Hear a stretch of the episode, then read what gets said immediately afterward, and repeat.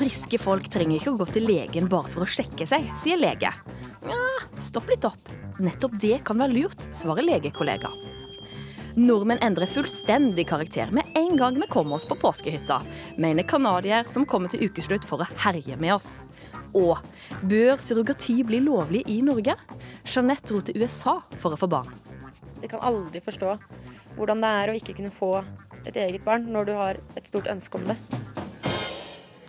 Velkommen til ukeslutt. Jeg heter Ann Kristin Listøl. Og tro det eller ei, noen tilbringer påsken der de betaler for å bli vist rundt på steder i Oslo der Skam-serien er spilt inn. Men først, vi går rett inn i det vi alle er en del av nå. Enten du liker det eller ikke. Det er påske overalt. Kan jeg spørre hva dere forbinder med påske? Ja, lese bøker. Påskekrim. Ja, kylling. Egg. Marsipan. Veldig mye marsipan. Påske, det er eh, god mat, eh, fjell, snø, ja, påskeegg. Mm. Eh, forberedelsen til sommeren. Appelsin. Kvikk Lunsj. Og lage påskeegg til ungene. eh, påskelabyrinten. Eh, spille. Så må vi ikke glemme påskemaraton da, i Drammen. Det er tradisjon. Blir aldri påske uten skikkelig påskemaraton. Det var kollega Linn Beate Gabrielsen som hadde truffet folk ute på gata. Men om du er på Facebook, så er det jo bare å sjekke oppdateringene og påskekosen den strømmer imot oss. Julian Borrell, du er fra Canada. Du er rakettforsker her i Norge. Men du er òg forfatter og skriver ei bok om oss nordmenn. Og du står litt sånn ut på utsida du og ser på oss. Vi nordmenn, hvordan endrer vi oss i påsken? Nordmenn er veldig interessante i påsken. Um, det er veldig mange utlendinger når man kommer til Norge. Vi føler at kanskje vi blir litt avvist, at det er litt vanskelig å kommunisere med nordmenn, folk ikke hilser. Men da i påsken er det helt annerledes. Nordmenn er litt mer som en ivrig italiener. Uh, hvis du er på fjellet, alle hilser på ingen grunn. Uh, de kan til og med invitere hjem for en kopp kaffe. Eller hvis de blir som helt gal, de kan invitere kanskje for middag hjemme uten å ha en grunn. Og, og det er veldig veldig annerledes enn det som, som skjer som vanlig uh, på gata i hverdagen. Vi blir mer løsslupne? Ja, absolutt. Eh, og, og da, det er fordi det er en ramme. Altså, jeg, jeg, liker å si at det er to grunner eh, for at nordmenn skal føle seg komfortable og sosialisere. Det første, vi, vi trenger en ramme for sosialisering. Og det andre er eh, vi, vi, må ha en mulighet til å rømme. Eh, så På fjellet går det veldig fint. På fjellet og på hytte. Du har en ramme, så det er fjellet, og du kan rømme fordi du er på fjellet. Så da kan du sosialisere veldig, veldig godt. Enkelt. Geir Thomas Risaasen, du er konservator ved Norsk Folkemuseum. Det vil si at du egentlig er ganske god til å ta vare på å bevare eldre ting? Ja, det er jo det vi jobber med. Å formidle ting. Ja, Har du blitt mer løssluppen i påsken? Eh, jeg håper det. Eh, nå er det jo spesielt med norske påsken, slik jeg ser det, da, at uh, den er jo egentlig ganske trist tid på mange måter. Og for meg som da er født på 60-tallet, så tenker jeg også tilbake på at påsken altså Det er jo først og fremst det, altså den viktige kirkelige tida, men for nordmenn flest så er det jo ferie og familiesamvær det handler om. Eh, men det triste med påsken, i hvert fall fram til tidlig 80, var jo at uh, i byene så var jo alt stengt. Uh, for liksom respekten for den kirkelige høytida. Og i år så er det jo på en måte en av de siste skansene som ryker, med at Vinmonopolet er åpent i dag. Det er et eksempel på det restriktive litt trist samfunnet. Og dette er jo kontrast også til andre land, altså hvor du har de store på, uh, påskeprosesjonene på, uh, på palmesøndag og videre utover påsken. Så her er på en måte påsken mye mer i det, i det lille, altså i det familiære, og, og, der man er sammen, men samtidig som storsamfunnet rundt har vært veldig lukket. For påske er jo tross alt Jesus ja, korsfestelse, død og oppstandelse. Ja. Og så er det ganske mange lette ting inn i påsken, og en av de tinga det er påskequiz. Og Julian, du kan ikke fordra quiz. Hva, hva, er, det, hva er forholdet ditt til oss nordmenn og quiz? Nei, altså Jeg Um, det er en ramme quiz er en ramme som jeg snakket om. Og, Bare vær ærlig, med tålen. ja, altså for, for, meg det har vært litt vanskelig med quiz. Fordi Hvis for eksempel, jeg blir invitert til en hytte, og så da må, må jeg lide i flere timer ut på sky i dårlig vær, ikke kunne kommunisere med noen. Og så kom jeg til hytta, og så tenkte jeg OK, nå, nå kan jeg begynne å snakke og ha sånn den intellektuelle samtalen. Men nei, da var det quiz. Og da måtte vi snakke om akkurat det vi ble spurt om i flere timer, og folk begynte å drikke. Og så til slutt jeg klarte ikke å ha den samtalen jeg forventet å ha. Så quiz har vært litt, litt utfordrende i Norge, men jeg blir vant til det. så... Og det er så fint, fordi at vi skal snakke mer med dere to mot slutten av sendinga. Men siden du eh, ikke er så glad i quiz, og det er veldig typisk norsk, så gjør vi noe vi ikke bruker å gjøre her i Ukeslutt, nemlig ha en quiz. og Geir Thomas Risaasen, siden du da jobber ved Norsk Folkemuseum, du skal få lov til å gi det norske folk et, et, spørsmål. Det gjør meg glede, men jeg må bare si at det, eh, jeg liker jo Jørland veldig godt nå, fordi jeg er ikke så veldig glad i quiz selv. Og vi må også kanskje minne om at quiz er et veldig moderne fenomen. Det hører jo 2000-tallet til. Så det er ikke veldig lenge det der har vært. Men uh, og spørsmålet? Som spørsmålet, uh, bare innledningsvis, så er jo altså påsken er jo først og fremst den kristen, den viktigste kristne høytida. Men uh, hvis du tenker på annen påskedag, hvorfor har vi fri da? Så spørsmålet er Kjære lyttere, hvorfor har vi fri andre påskedag? Kan du gi et lite tips, eller? Uh, ja, Det er litt det samme med annen juledag og med annen pinsedag. Så folkens, dere kan vinne en DAB-radio. De er skikkelig fine. Vi kårer én vinner mot slutten av sendinga. Send, eh, hvis du vet svaret, send en e-post til ukeslutt krøllalfa nrk.no.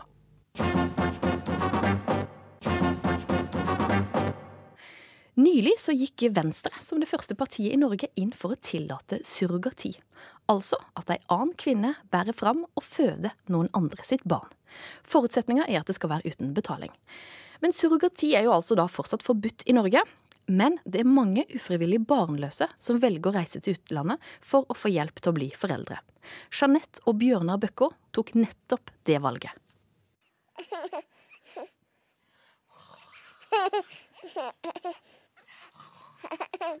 Dette er lyden av ni måneder gamle Hanna.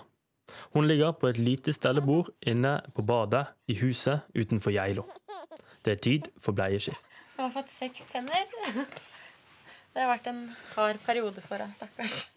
Dagens bleieskiftarbeider er mamma Jeanette Bøkko. Hun kiler Hanna litt på magen før hun later som at hun spiser opp de små føttene hennes. For ni måneder siden forandret den lille jenten livet til Jeanette og mannen hennes, Bjørnar. Det var nemlig ingen selvfølge at de skulle få egne barn. Jeg var vel 20 og hadde ikke fått mensen. Og det er jo ikke helt normalt. Så da dro jeg til en gynekolog, og der fikk jeg beskjed om at eh, jeg er født uten livmor. Så mm, jeg kunne aldri bli mamma. Hva går gjennom hodet ditt, da? Eh, jeg vet ikke, for jeg besvimte. Og så kom jeg meg opp, og så besvimte jeg en gang til. Eh, og så følte jeg meg bare Ja, jeg følte meg helt alene i hele verden. For paret ble surrogati løsningen. Det er en metode som innebærer at en kvinne bærer frem et barn for noen andre, enten av ren godhet eller mot betaling. I Jeanette og Bjørnars tilfelle var det mot betaling. Paret tok kontakt med et byrå i USA. De opprettet en profil med informasjon og bilder av seg sjøl. Og etter kort tid ble de kontaktet av en kvinne som ville hjelpe. Så fikk jeg en mail om at vi hadde blitt valgt. Og da husker jeg sto på jobb, og da fikk jeg helt sammenbrudd. Uh, jeg Jeg bare tenkte herregud. Og ringte Bjørnar og gråt og Ja, det var helt sykt. Så fikk vi se hennes profil, da. Og med en gang jeg så bildet av henne, så visste jeg bare at det er henne, liksom. Det, det var rett med en gang. Grunnen til at paret gjorde det i USA, er at surrogati ikke er lovlig i Norge. Det vil partiet Venstre gjøre noe med. De ønsker å tillate frivillig surrogati, altså at en søster, en venn eller en totalt fremmed kan bære frem et barn for noen andre av ren godhet, men uten betaling. Hos Jeanette vekker det et håp om at Hanna en dag kan få en bror eller søster. Under trygge rammer Strengt regulert, gode kontrakter, gode advokater, god oppfølging av helsevesenet, så vil dette her være ingen problem, tenker jeg. I utgangspunktet så virker jo dette her som en helt fin ting. Det mener tidligere kommentator i Dagbladet og nå stipendiat ved Universitetet i Oslo, Aksel Braan Sterri. Han skriver doktorgrad om de etiske sidene ved surrogati. Her er det en, to foreldre, eller to vordende foreldre, ønskede foreldre, som ønsker å få et barn. Så er det en fin ting. Og det er en kvinne som frivillig vil stille opp og gå gjennom den graviditeten. Så har vi på en måte et utgangspunkt som sier at det bør de få lov til å gjøre, hvis ikke det finnes veldig gode grunner for at vi bør gripe inn i begge deres to frihet. Braan Sterri mener det må svært gode argumenter til for å fortsette å forby surrogati i Norge. Det er ikke alle enig i. Jeg møter Høyre-politiker Jenny Clemet von Tetzschner på hennes kontor. Hun frykter at en ordning med frivillig surrogati kan legge et stort press på mange kvinner. Jeg mener det er en del viktige spørsmål som reiser seg uansett hva slags type surrogati vi snakker om. Og når det gjelder frivillig surrogati, så, så må man jo f.eks. spørre seg finnes det en grense for hva man kan spørre vennene sine om? Finnes det en grense for hva man kan spørre familien sin om? Finnes det en grense for hva slags spørsmål man som søster eller som venninne skal slippe å ta stilling til? For det er jo noe med at hvis man får det spørsmålet, så kanskje man føler seg forpliktet til å, til å, si ja. Og jeg mener rett og slett at det kan føre til at mange får et litt utilbørlig press på seg til å, til å si ja. Nei, altså Det er jo åpenbart noe i det. Man kan jo bare tenke seg ikke sant? at uh, du kan ikke få barn, og så har du en søster, uh, og så sier du dette her er noe jeg virkelig, virkelig vil. Uh, og det vil nok mange føle som en litt sånn vanskelig situasjon. Akkurat som det er utrolig vanskelig situasjon hvis jeg trenger en nyre av min søster, eh, eller jeg bare er blakk og trenger en million kroner, eller hva det skal være. Eh, vi kommer på en måte ikke utenom på det vanskelige pressituasjoner i et liv. Hva skal til for å overbevise deg? Jeg vil ha gode svar på disse spørsmålene, som dreier seg om hva skjer med barnet dersom det skjer komplikasjoner med surrogatmoren? Hva skjer med barnet dersom eh, de som har bestilt barnet, ikke ønsker å ha det barnet likevel? Hva skjer med surrogatmoren dersom eh, det opplever eh, komplikasjoner under svangerskapet? I verste fall så kan surrogatmoren kanskje dø, til og med. Um, og så er det mange som sier at man bare kan regulere seg bort fra dette her med et godt regelverk og avtaler osv. Men uh, jeg er jurist, og jeg vet utmerket godt at selv om man har lover og regler, så er det ikke alltid at man løser alle problemer gjennom det. Her skal vi se. Tilbake i stuen til familien Bøkko. Jeanette har funnet frem video fra minuttene etter at Hanna ble født. Hanna ble tatt med et planlagt keisersnitt. I videoen ligger surrogaten på et operasjonsbord. Ved siden av står Jeanette og viser frem det nyfødte barnet. Det var så surrealistisk at du Det var helt vilt. Og liksom Det er mitt barn. Men tenkte dere noe over den risken som surrogaten tok ved å gå gravid og utføre et keisersnitt? Ja, selvfølgelig. Det er jo en dame vi bryr oss veldig mye om. Så det er jo klart at vi var bekymra. Vi altså Vi hadde ikke Hadde det vært noe gærent eller noe, så hadde vi jo gjort det som var best for henne. Jeanette og mannen hennes benyttet seg av kommersiell surrogati. De betalte for prosessen, og totalt kostet det i overkant av én million kroner. Men de to familiene har fortsatt kontakt i dag, og skyper og besøker hverandre med jevne mellomrom. Det har ikke føltes som at vi har betalt for å få en vare. Hun er fremdeles i livet vårt, og hun får ikke penger for det, for å si det sånn. Og det er ikke sånn at hun gir fra seg et barn. Hun bærer fram et barn for oss og gir det tilbake. Men, men hun får penger for det? Ja, hun fikk litt penger for det. Og det er ikke en sum jeg vil snakke om, eh, men det er ikke noe hun kan leve av, for å si det sånn. Selv om Jeanette ble født uten livmor, hadde hun friske egg i kroppen. Både hun og mannen er derfor biologiske foreldre. Det betyr mye for dem. Vi har fått spørsmål om hvorfor vil dere ikke adoptere? Hvorfor får dere ikke fosterbarn? Eh, men når vi har muligheten, så er det vel vårt valg å velge at vi vil ha vårt eget biologiske barn. Du kan ikke sitte der med fire egne barn og si at du skjønner ikke hvorfor vi ikke bare kan adoptere. De kan aldri forstå hvordan det er å ikke kunne få et eget barn når du har et stort ønske om det. Reporter her, det var Jaran Rie Mikkelsen.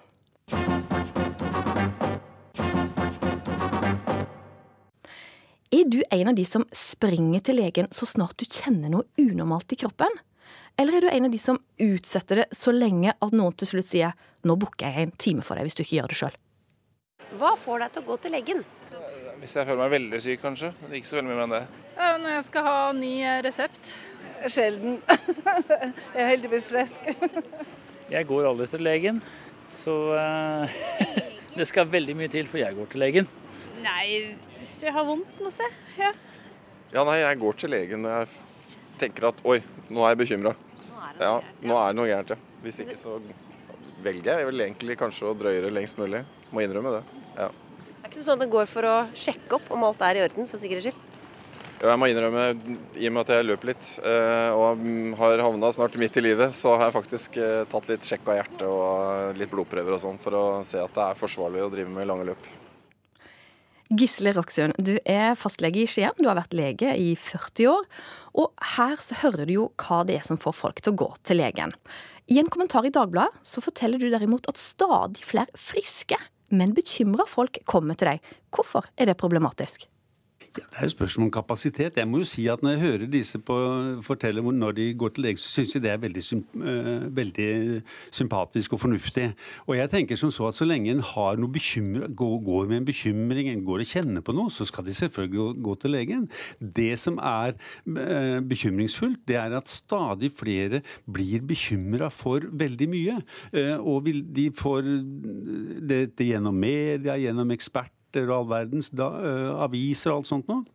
Og en skal liksom, Det er ikke noen ting som er, uh, ikke er farlig lenger.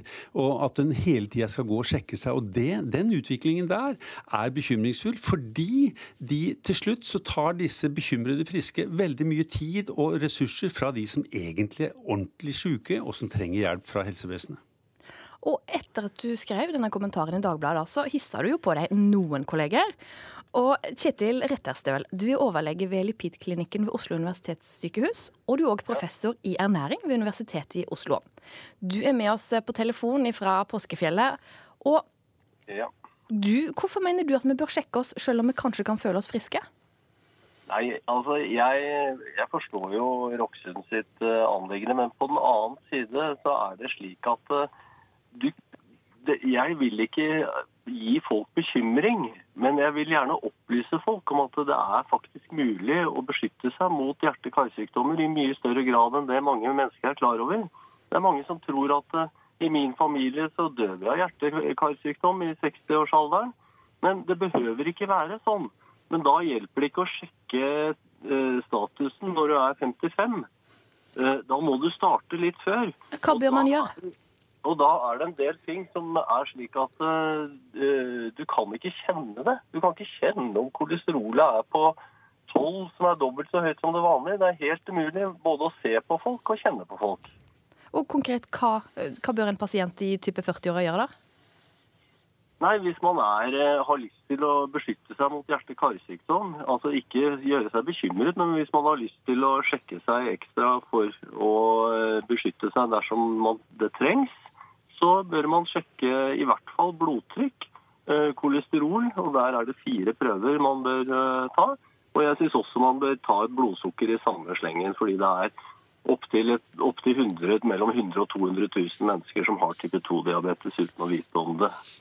Og Roksund, altså Hjerte- og karsykdommer det er den sykdommen som fører til flest dødsfall sånn samla sett. Ja, Hvorfor ikke da teste og forebygge? Jo, men Vi gjør det jo allerede. Det er det som er poenget. Det å oppfordre folk til ytterligere å komme er unødvendig. Fordi folk flest er inne hos fastlegen sin i løpet av nesten alle sammen, i løpet av en toårsperiode. Og fastlegen kjenner familien, kjenner historien veldig ofte.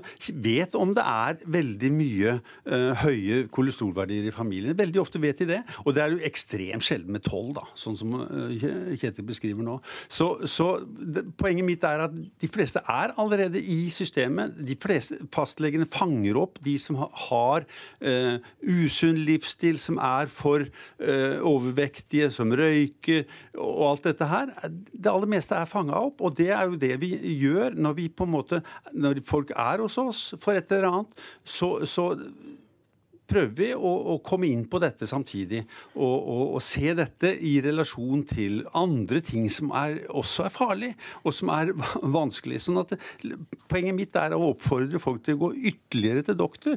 er helt meningsløst per i dag, tenker jeg. Fordi folk går nok til doktor i dag. Ja, for Rettastøl, Hvorfor kan vi ikke bare stole på at legen vet best, og ikke drive og oppsøke han for å dobbeltsjekke? Nei, altså eh, fastlegene gjør en fin jobb, men de gjør ikke eh, en bra nok jobb dersom de avviser en person som kommer og ønsker å måle kolesterolet sitt eller blodtrykket eller ha en hjerterisiko. Jeg ser det jo fra den siden. Jeg ser jo folk som kommer til meg og har fått hjerteinfarkt, eller i familier der de har mistet eh, pårørende. Og så ser vi at her har det vært høye verdier, og av og til så hører vi om folk som har vært hos legen. Og de har fått høre at de ser så unge og friske ut. Så det, det, er ikke noe å bekymre seg for. Og så går de derfra, men man kan ikke se det på folk. Det er det som er poenget. Poenget er jo at vi ser noe veldig mye jeg, jeg, jeg, sier ikke at folk skal måle det, Her tror jeg kanskje vi må rydde litt. Så det er ikke noe poeng å måle kolesterol om igjen og om igjen. Det blir man ikke noe friskere av. Det er mange som ønsker det. det, mange, ja, og det syns jeg du skal passe på, for det, det er sløs av ressurser. Men det er mange som aldri har målt det. Og vi har tall fra Statistisk sentralbyrå sine levekårsundersøkelser som viser at uh, hvis du er litt oppe i åra, 50-60 år, så er det veldig mange som har målt det. Men hvis du er 20-30 år, så er det veldig, veldig få som har målt det. Og det er der vi må begynne hvis du har diabetes eller kolesterol. Fordi denne prosessen som tetter blodårene, den begynner tidlig i livet. Og det er en aldringsprosess, og den fortsetter gradvis gjennom hele livet. Ja. For Roksund, kan det hende at en del leger ikke er like flinke da, til å faktisk ja, teste dette her? Det, ja, så det spørsmålet hvor vi skal teste Det, det er klart, vi, det som jeg forfekter at vi skal følge uh, de norske godkjente retningslinjene som myndighetene har sagt. Og det skal vi gjøre basert på en kjennskap til familien, til personen. Vi vet om bakgrunnen, vi kjenner, vi, vi, vi kjenner til livsvaner, røykevaner og alt dette her. Uh, og det jo, dette gjør fastlegene hver eneste dag. Men det å si at alle skal inn og, og måle sitt uh, kolesterol og blodtrykk på et mellom mellom 30 og 40 år. Det, hvis alle skal inn og gjøre dette, så har jo en, en, en doktorand i, i, i, Trondheim for noen år siden funnet ut at du trenger dobbelt så mange allmennleger i Nord-Trøndelag hvis du skal følge de europeiske hjertelegers eh, retningslinjer, og ikke de norske. Sånn at vi må på en måte ha litt is i, i, i magen her, og ikke oppfordre folk til å gå og måle seg og måle seg. Og det er de, de aller fleste fleste har jo familier med en normal dødelighet. Og vi, vi vet jo at, at hjert, dødeligheten av sykeligheten av hjerte-karsykdommer er gått dramatisk ned de siste årene. Og dere to, jeg har vel ikke testa meg sjøl. Bør jeg stikke til legen og teste kolesterol, og blodsukker og blodtrykk? Ja, jeg, jeg syns jo du bør gjøre det Nei, jeg... ved en eller annen passende anledning. Fordi ingen kan se på deg eh, hvordan det er. Og Nei, men... jeg vil bare ha sagt at det er fortsatt 1000 mennesker som dør før de fyller 65 år av disse sykdommene. Og det har gått veldig mye ned. Men jeg syns det er så trist når jeg ser folk som har høye verdier, som kunne vært kan så, ikke... så, ble, så, så, har de aldri fått lov til å, å, å bestemme seg for å gjøre noe. Konsekvensen av at alle skal sjekke alt, den er, blir eh, enorm. Og jeg vil si til deg at hvis du lever sunt og frisk, hvis du har en frisk familie, hvis det ikke er spesielle sykdommer, at ikke onkler og tanter dør veldig tidlig i familien din, så ville jeg tatt det helt med ro. Da fikk jeg nå iallfall litt å tenke på. Gisle Roksund, du er fastlege. Tusen takk for at du var med oss eh, i påskeferien din. Takk skal du. Og Kjetil Ritterstøl, som er overlege ved Lipid-klinikken ved Oslo universitetssykehus og professor i ernæring ved Universitetet i Oslo. Tusen takk òg til deg for at du var med fra påskefjellet. Du hører på Ukeslutt i NRK P1 og P2, og den neste halvtimen så skal du få høre dette. Norske myndigheter de skjuler et massivt radioaktivt utslipp. Eller nei. Hør hvordan det ryktet oppsto og ble spredt til andre land gjennom sosiale medier. Og hvorfor har vi egentlig fri andre påskedag? Vi har en pågående quiz. Du kan fortsatt vinne en DAB-radio i påskequizen vår. Da må du svare på det spørsmålet, og så sender du en e-post til ukeslutt krøllalfa nrk.no. Det er kanskje noen som har vært litt sånn ekstra fraværende ved påskelunsjen i år? Jeg kan høre hva du tenker. Så jeg tenker at det vil være mye lettere for deg hvis du var sammen med folk som var mer lik deg. Jeg klarer å ha norske venninner og samtidig være meg selv. Ok. Da stoler jeg på deg. Så jeg sier på deg.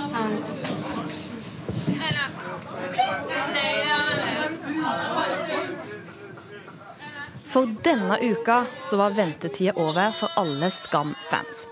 Her var et utdrag fra denne ukas eh, Skam. For fjerde og siste sesong av ungdomsserien er i gang, nå med Sana i hovedrolla.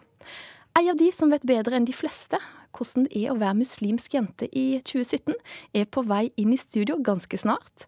Hun var en av de muslimske jentene som ble intervjua da karakteren Sana ble lagd. Men først så skal vi høre at noen faktisk tilbringer påsken ved å betale for å dra på Skamsafari i Oslo. Reporter Daniel Eriksen, du er med på det, du. Hva skjer? Uh,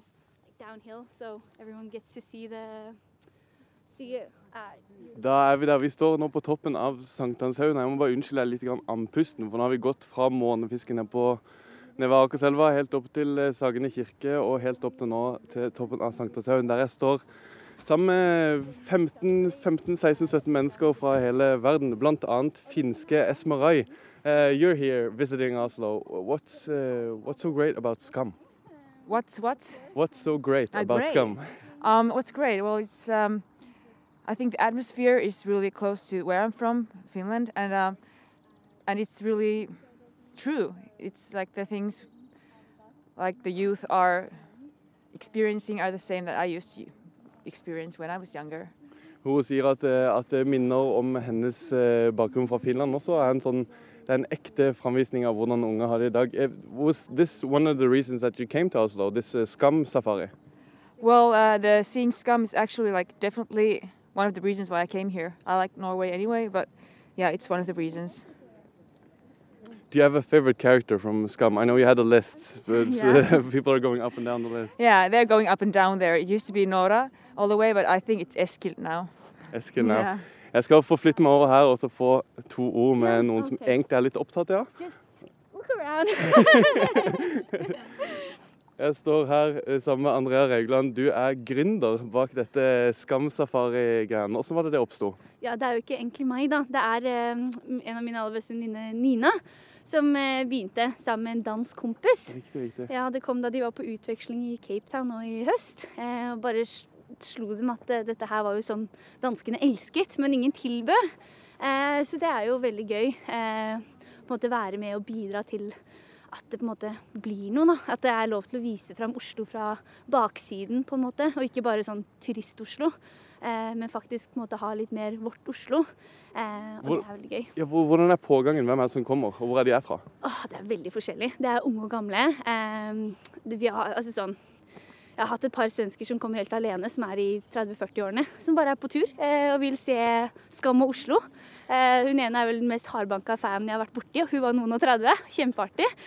Eh, svenske. Det er mye svensker og dansker. Eh, Daniel? Nordmenn fra litt ellers i Norge. Vi har hatt sørkoreanere, ungarske Hun ene sørkoreaneren kom tilbake to ganger for å se eh, Tarjei, i- han som spiller Isak, i et skuespill. Kjempefan. Det er veldig gøy. Daniel, kan ikke du spørre hva det er de ser på denne safarien? Ja, jeg, vil, jeg får et studiospørsmål her. Hva, hva er det dere ser på denne safarien? Så Fortell litt om hva, hva man får se. Ja, vi begynner da ved Jakobs kirke, eh, bare fordi det er et fint samlingspunkt. Eh, går til Elvebakken, eh, ser på skolen der, ser på Hausmania, for det er litt eh, kul by, del av byen. Eh, så går vi opp til Deichmans gate, hvor det er Noras leilighet med den blå døra. Så går vi ned derfra ned til Blå og Ingenstedt, så ser liksom på litt mer sånn edgy del av Oslo. Eh, snakker om Akerselva, hvordan det deler øst og vest. Eh, går videre til eh, Vulkan og mathallen. Går innom der. Eh, man kan kjøpe fiskekaker. går forbi eh, Westerdals, eh, inn i Cubaparken. Over Amotsbro. Eh, så Og nå, og ja. nå hele veien opp hit til toppen av Ja. Sankthanshaugen, der vi står og puster opp hesa. Men vi skal videre, for vi skal se flere steder fra Skam-serien. Vi setter tilbake til eh, studio på Marienlyst. Takk til deg, Daniel Eriksen, og god Skam-safari-tur videre. Skam-serien den har jo da blitt til, bl.a. ved at serieskaperne har snakka mye med vanlige ungdommer som de har henta inspirasjon for, fra.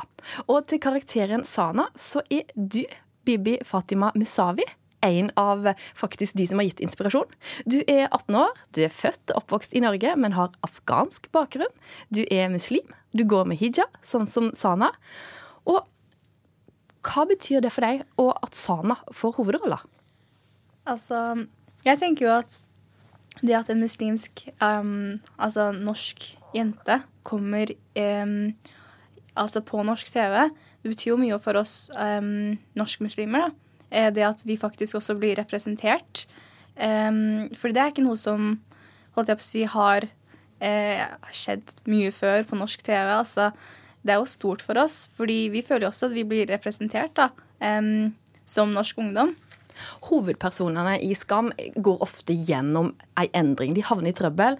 Eh, Forrige runde var, en, var hovedpersonen homofil og fikk en homofil kjæreste med psykiske problemer. Hva slags dilemma tror du at vi kommer til å få se med Sana? Altså, jeg tror at det handler om altså, eh, altså den konflikten hun kommer til å møte på, kommer til å være en eh, konflikt der hvor hun står mellom eh, to roller. Eh, rollen som kanskje som muslim og eh, som norsk ungdom samtidig. Eh, kanskje der hvor hun prøver å eh, finne sin plass. da. Eh, kanskje hun prøver å finne en slags gyllen middelvei, eh, hvor hun ser at det er ikke lett å være en, eh, altså både norsk ungdom og muslim samtidig. Eh, kanskje det er masse på en måte eh, ikke, verdier eller konflikter som oppstår der. Og Hvordan har du sjøl kjent på det i din oppvekst? Altså, jeg har jo kjent på at um, det er mange ganger hvor jeg Altså, kanskje sånn eh, noe så lite som når Sana skal på fest, da. Eh, at hun, eh, som vi så siste episode, eh, hun skal på fest, men så er det tid for bønn. Og da må hun jo finne seg et rom. Men vi så ser jo at det ikke er så passelig, det heller. Eh, så i sånne situasjoner så kan vi se at det kan gjerne være litt problematisk. Eh, og samtidig som vi ser at Sana drikker jo ikke, eh, slik som de andre venninnene hennes gjør. Det gjør jo kanskje at hun også altså havner i en situasjon hvor hun kanskje er litt ukomfortabel, da. Som kanskje mange også norske muslimer kan kjenne på. Men har du vært i situasjon der det er på tide å be, og så finner du ikke et sted der du kan gjøre det? Eh, ja, det kan det faktisk være. Um, men igjen I hva slags sammenheng da? Altså, det kan være alt fra skoletimer. At du spør læreren eh, Du, vet du hva, kan jeg gå, altså, finne meg et rom og be? Noen ganger så kan jo læreren si ja, andre ganger så blir det jo et nei. Eh, så ja, det varierer. Og, og hun går med hijab. Det gjør òg du. Mm. Eh, hva, kan, hva kan du lære av det? Altså, jeg syns det er veldig fint da, å se en, eh, en jente som er holdt jeg på å si, litt lik meg eh, på norsk TV. Jeg skulle ønske jeg som si, barn eller eh, da jeg var litt, yngre, da, at jeg hadde en, en type rollemodell som jeg kunne se opp til. Men jeg er jo veldig glad for at eh, Sana har blitt eh, representert, og at hun har blitt representert på den måten som hun har eh, blitt på. da. At hun er en sterk muslimsk jente. Um, at hun har en sånn sterk personlighet. Og jeg syns det er veldig inspirerende å se. Um, og jeg er veldig glad for at uh, det er akkurat Sana som har på en måte blitt valgt til å Eller akkurat hennes karakter har blitt valgt for å representere eh, norske muslimer, da. Hvis vi skal inn og tenke på litt fordommer, da, sant? fordommer som du mm. møter, hva ønsker du at eh, eh, etniske nordmenn, da, for å bruke det begrepet, Ja. skal lære av Sana? Altså, jeg er veldig glad for at Sana har en såpass sterk personlighet. For da ser vi jo at eh, alle muslimer er jo på en måte ikke Hvordan skal jeg si det? Altså, samtidig som hun er eh, troende, så er hun jo ikke redd. Hun er jo ikke eh, redd for eh, Vi kan jo se på altså, Da hun satt på eh, trikken, at hun var jo ikke redd for eh, den etniske norske kvinnen som på en måte så litt stygt på henne. ikke sant? Eh, og jeg er på en måte glad for at man ser det perspektivet også. At altså, vi er jo på en måte altså, jeg er konstant på en måte utsatt for da, fordommer, men det er viktig å vise at man er på en måte ikke At man nødvendigvis ikke er redde, da. At man har på en måte Eller mange av oss har på en måte fortsatt en slags styrke da, til å fortsette videre, slik som Sana har. Hva slags fordom møter du som du skulle ønske du slapp?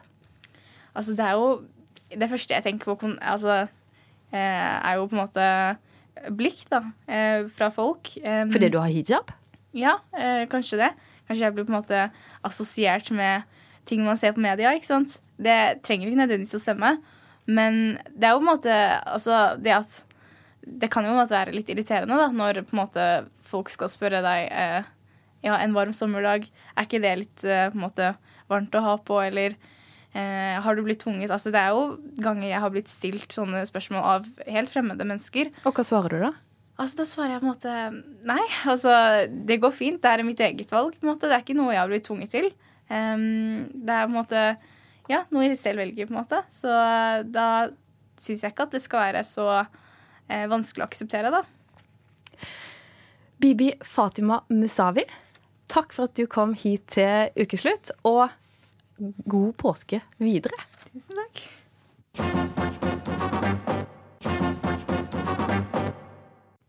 Hvor opptatt er du av at de sakene eller eh, det du deler på Facebook, er ekte, altså sant? Det går fortere enn noen gang. Et flak av sannheten blir satt sammen med noe annet, og vips, så har du en ny såkalt sannhet. Her skal du få høre hvordan en falsk nyhet ble til og verserte i sosiale medier. Jeg får først en telefon fra en nordmann som er bosatt i en av de baltiske statene. Som jeg avskriver som en litt rar fyr. Men eh, han sier at han har, eh, han har, informasjon som norske myndigheter ikke har, som sier at det har vært en nedsmelting i Halen-reaktoren. Den telefonen er det første hintet atomfysiker i Bellona, Nils Bøhmer, får om at noe er galt. Jeg spurte ham men hvor har du dette fra. Når, når, for Han var veldig klar på at den nedsmeltingen hadde skjedd en bestemt dato. Det var han veldig klar på. Så når jeg da spør jeg, men har du noen kilder på dette? her? Nei, men da, Det kunne han dessverre ikke si meg, fordi han, men han hadde veldig mye bedre kilder enn det, enn det, norske, enn det vanlige mennesker hadde. Han tenker ikke så mye over det, men så flere telefoner, e-poster og spørsmål. Og så begynner vi å sjekke litt rundt, eh, for også nå en del um, kontakt med en del uh, nordmenn bosatt i Frankrike, som har lest da franske, en, spesielt en fransk blogg, og også fransk medie, hvor det da kommer fram det at det er da et stort utslipp, og at Halden-reaktoren er årsaken til dette, denne radioaktive jodskyen over Europa. De vil alle vite det samme. Har det vært et stort radioaktivt utslipp fra Halden-reaktoren i Østfold? Et utslipp på størrelse med Fukushima-ulykken, som norske myndigheter legger lokk på? Dette er historien om hvordan én fjær ble til fem høns, men også en historie om hvilke mekanismer som gjør at slike nyheter spres. Det er alltid noen der ute som ser mer i disse tingene enn det folk flest gjør. Jan Ole Hesselberg er psykologspesialist og kjent fra TV-programmet Folkeopplysningen. I psykologifaget så kaller vi dette confirmation bias på engelsk, eller bekreftelsesskjevhet på norsk. Det er altså det at hjernen vår litt automatisk leter etter bevis på at vi har rett i antakelsene våre. For det er ikke bare konspirasjonsteoretikere som lager sin egen virkelighet. Vi gjør alle det. Vi koser oss med den informasjonen som støtter det vi tror på, mens vi er veldig kritiske til den andre informasjonen. Så det gjør at vi Sånn er, er vi hjernen vår skrudd sammen, rett og slett. Og det gjør at vi de antakelsene vi har, lever veldig ofte i beste velgående, selv om de kan være feil. Her står det uh, Iodine 133 meltdown in Halden nuclear reactor in Norway, which media are ignoring. I en amatørmessig YouTube-video med illustrasjon av det gule og svarte varseltegnet for radioaktivitet, forteller bloggeren Archlight hvordan den store nedsmeltingen av Halden-reaktoren blir dyssa ned av myndighetene og av media. 14 000 som har sett på? Ja. 14 000. På en annen blogg ser vi det samme. Her er det viser de da bilder fra Hallen-reaktoren.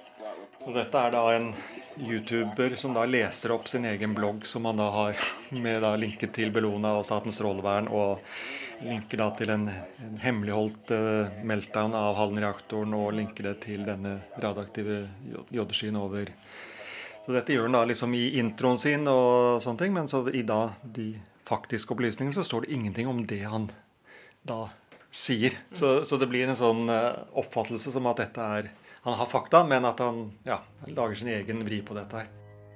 Det hele starta med en flik av sannhet. Bøhmer kritiserer sikkerheten ved Halden-reaktoren på Bellonas hjemmeside etter at reaktoren pga. teknisk svikt har et lite radioaktivt utslipp. Noen måneder seinere oppdages en radioaktiv sky som beveger seg over Europa. Bloggere kobler disse to sakene sammen og linker til saken Bøhmer skrev. Sakene sprer seg, og på et tidspunkt må også Statens strålevern gå ut og avkrefte ryktet om den hemmelige nedsmeltinga. En fjær har blitt til fem høns. Men det var jo en eh, joddsky Det var en joddsky, og Ja. det var et utslipp av jod i Halden. Men uh, de to hendelsene er langt ifra hverandre i tid, uh, så det er helt fysisk umulig at det utslippet som var i slutten av oktober, kan ha forårsaket disse, denne jodderskyen over Europa, som senest for et par uker siden ble målt oppe i, i Kirkenes. Reporter her, det var Gry Veiby. Og den radioaktive jodskya som du nettopp har hørt om, blir snart eh, tema i EU-parlamentet, som skal ta stilling til om de skal granske hvor dette utslippet kommer ifra.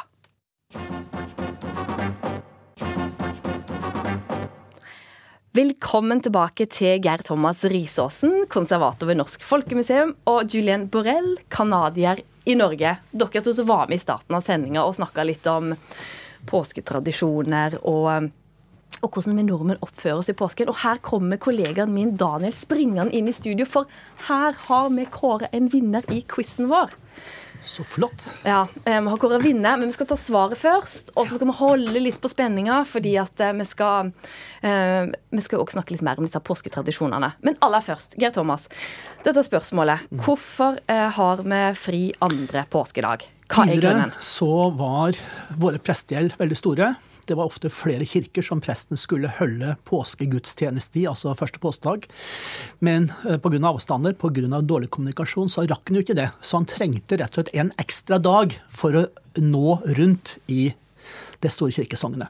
Så det var en rein praktisk ting som gjorde at eh, annen påskedag ble fridag. Så alle fikk ikke tilgang til presten på samme tid akkurat Nei, da? det var ikke fysisk mulig. Så der er det forklaringen. Og det er samme med annen juledag og med annen pinsedag. Altså presten måtte ha mulighet til å nå rundt til sine sognebarn. Hva syns du da om at vi fortsatt har denne fridagen? Jeg syns det er veldig bra, så vi må bare ikke si det så høyt til våre politikere, for det er ikke sikkert at de vet det. Så vi holder på den. Julian, du som ser oss litt fra utsida. Du er fra Canada, har dere denne her ekstra fridagen? Nei, jeg tror ikke det. Vi har den ekstra fridagen. Eh, men Canada, spesielt den fransktalende delen, har også vært veldig religiøs før. Eh, I dag er det det, samme som, som i Norge, men vi har veldig mye altså, innflytelse fra eh, den religiøse siden av samfunnet fra eh, gamle dagen. Og så Hvis vi går tilbake til liksom, ditt perspektiv på oss nordmenn. Du, du har liksom analysert oss nordmenn, eh, gitt ut noen bøker. Du kom til Norge for å studere og har doktorgrad og er rakettforsker i dag. Ja, så jeg er sivilingeniør opprinnelig. Ja. Ja. Men du ser på du, du sier egentlig at vi nordmenn er i litt sånne ulike bobler. Ja, det er sentralt til, til, til de utfordringene veldig mange utlendinger har. At man må forstå at nordmenn sosialiserer innom rammeaktivitet. og. Og, da er det sosial boble som, som skapes. Eksempel, hvis vi snakker litt mer om påske og hytte. Eh, det som er veldig morsomt, det er hyttevenner. Folk har venner som de har bare venn eh, på hytte. Og Da betyr det at det er, en, det er enkelt å invitere for kaffe eller middag når man er på hytte. Men når du er i byen, og kanskje den personen bor i den samme bydelen, da er du ikke så veldig nær venner lenger. Men når du drar tilbake til hytta, da er du bestevenner igjen. Og, og det sier veldig mye om den ramme aktivitet til nordmenn. At vi har venner som er koblet til et sport, f.eks. For foreldre, eh, fra videregående skole, fra faderuke, fra rustiden, Fra, og alle disse vennene de blandes ikke like mye som i andre samfunn. Og det er veldig, veldig viktig for utlendinger å forstå det her. Det har du nok veldig rett i. Og, men dette er også et bilde på sosiale mønstre som har endret seg. Uh, en ting som jeg merker i Oslo, det er jo ingen som ringer på døra mi mer. Uh, da jeg kom til Oslo tidlig i 80, så skjedde jo fortsatt det. Samles på landsbygda. Så den sosiale omgangen som vi var vant til, den er rett og slett borte. Og det er nok som du sier at er veldig mange venner er relatert til ulike ting. Enten det er venner som du da har i forbindelse med hyttebesøk, venner du har i forhold til idrettslaget og den slags. Hvis noen da hadde kommet da, Gert Thomas, og ringt på døra di, hadde du blitt stressa da? Nei, da hadde jeg vært glad, for det er, eh, det er alltid hyggelig med besøk. Så jeg kan komme? Jeg kan er komme vel dit. relativt, jeg er vel relativt sosial av vesen, så, så, så det, det hadde jeg hatt pris på. Men det er helt påfallende at det er det slutt på. For du Julian, er jo opptatt av integrering. Ja. Når vi nordmenn er på denne måten, da, er, det, er det en bra ting eller en dårlig ting? Ja, altså, Jeg er veldig opptatt av integrering. Jeg, jeg prøver å, å, å, ta det i en litt morsomt måte. Og jeg, jeg synes at eh, Det er veldig fint hvordan nordmenn er. Jeg prøver ikke å, å, gjøre at nordmenn skal oppføre seg annerledes. Jeg prøver å forklare i en litt morsom måte hvordan nordmenn er, som er nyttig begge for nordmenn og for utlendinger. Og jeg vil kanskje bare nevne til det Bibi sa eh, med, med, den muslimske og, og, og skam. Eh, at, Hun jenta som var her. Ja, jenta som var der. Eh, at det er ingen som vil bidra til et samfunn hvor man ikke føler seg en del av. Og det er kjempeviktig at med det nye Norge at alle føler seg eh, inn i det samfunnet hvis vi vil at alle skal bidra. Mm. Dette er veldig viktig. Det, det er jo der samfunnet bygges. Mm. Ved at alle føler seg som en del av det og bidrar. Ja. Og da skal vi involvere deg som lytter på, og alle som har sendt inn svar på denne quizen vår. Det er på tide å kåre en vinner.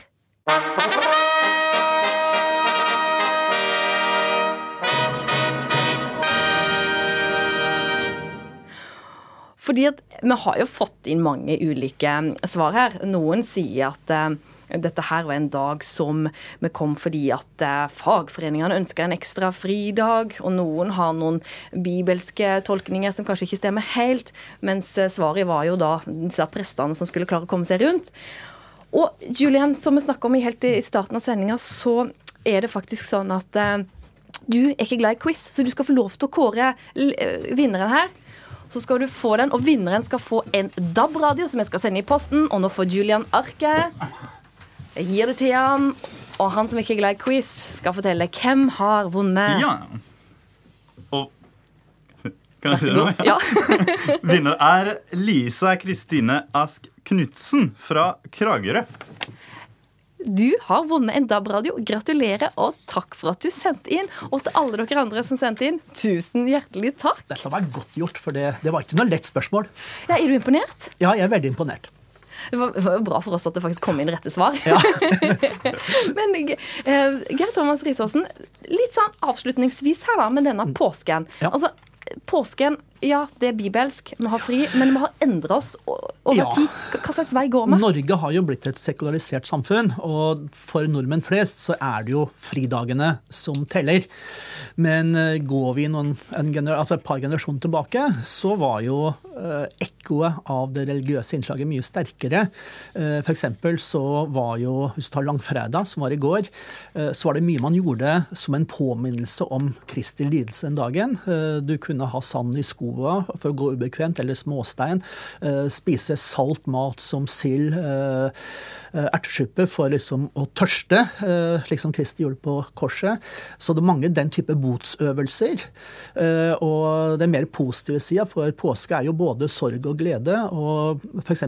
nordpå så vet du at mange ungdommer gikk ofte opp på høyder på fjelltopper for å se sola stå opp påskemorgen, eh, eller så sola danse, som de sa. Så det var liksom uttrykk for både oppstandelsen og det gledelige ved påsken. Og det er jo derfor svenskene også prater om en glad påsk, i motsetning til oss nordmenn. Er dere spente, dere to, på været? Det er vi. det er perfekt, for vi har Bente Wahl her, statsmeteorolog. Hvordan blir været? Nei, det er litt sånn som det har vært de siste dagene. Værvinnerne de er helt eh, klart nordpå. og Vi kan egentlig bare ta hele Nord-Norge under ett og ta med oss Spitsbergen i samme slengen. Her blir det mye fint, her er det mye fint vær, og det fortsetter med mye fint vær utover morgendagen også. Eh, unntaket er kanskje ytre strøk av Finnmark, som fortsatt eh, har noen snøbyger, da, men de har jo fint vær innimellom snøbygene. Så kan det kanskje bli litt mer skyer i Troms i morgen enn det de har hatt. Mye pent vær også i Møre og Romsdal og Trøndelag. Det er litt mer skyer på Sunnmøre og litt nedbør lengst sør der. Og I morgen så blir det nok eh, litt større sjanse for at det kan komme en og annen byge her og der. Eh, vesentlig da i indre strøk sør for Trondheimsfjorden, men det blir nok ganske bra mm, innimellom uansett. Og I resten av Sør-Norge der er det vel ikke så mye annet å si enn at det er mye skyer. Selv om det har sprukket opp og blitt eh, fint innimellom noen steder, så kommer det og går med skyer og litt nedbør. Og det fortsetter det med egentlig i morgen også. Så det Mest skyer og litt nedbør fra til sør for Stad for Dovre, og ellers mye fint vær. Kort oppsummert. Og til deg som er ute og kjører, kjør forsiktig, kan vi alltid si. Bente Wahl, statsmeteorolog, takk til deg. Og til våre gjester som har lært oss om norsk påsketradisjon og hvordan utlendinger ser på oss. Julian Borrell fra Canada, men nå som bor i Norge. Takk til deg. Og òg til deg, Geir Thomas Risaasen, konservator ved Norsk Folkemuseum. Denne sendinga her, den har Gry Veiby vært ansvarlig for. Og Frode Thorshaug har vært teknisk ansvarlig. Jeg heter Ann Kristin Listøl. Og takk for at du har hørt på, og takk for at du har sendt e-post og vært med i quizen vår. Og hvis du har noen tips, innspill til noe du syns vi bør belyse, send oss veldig gjerne en e-post. Du sender til ukeslutt krøllalfa nrk.no. Ukeslutt krøllalfa nrk.no. Jeg heter Ann Kristin Listøl, og jeg håper du har en strålende fin påske. Ha det bra fra o us.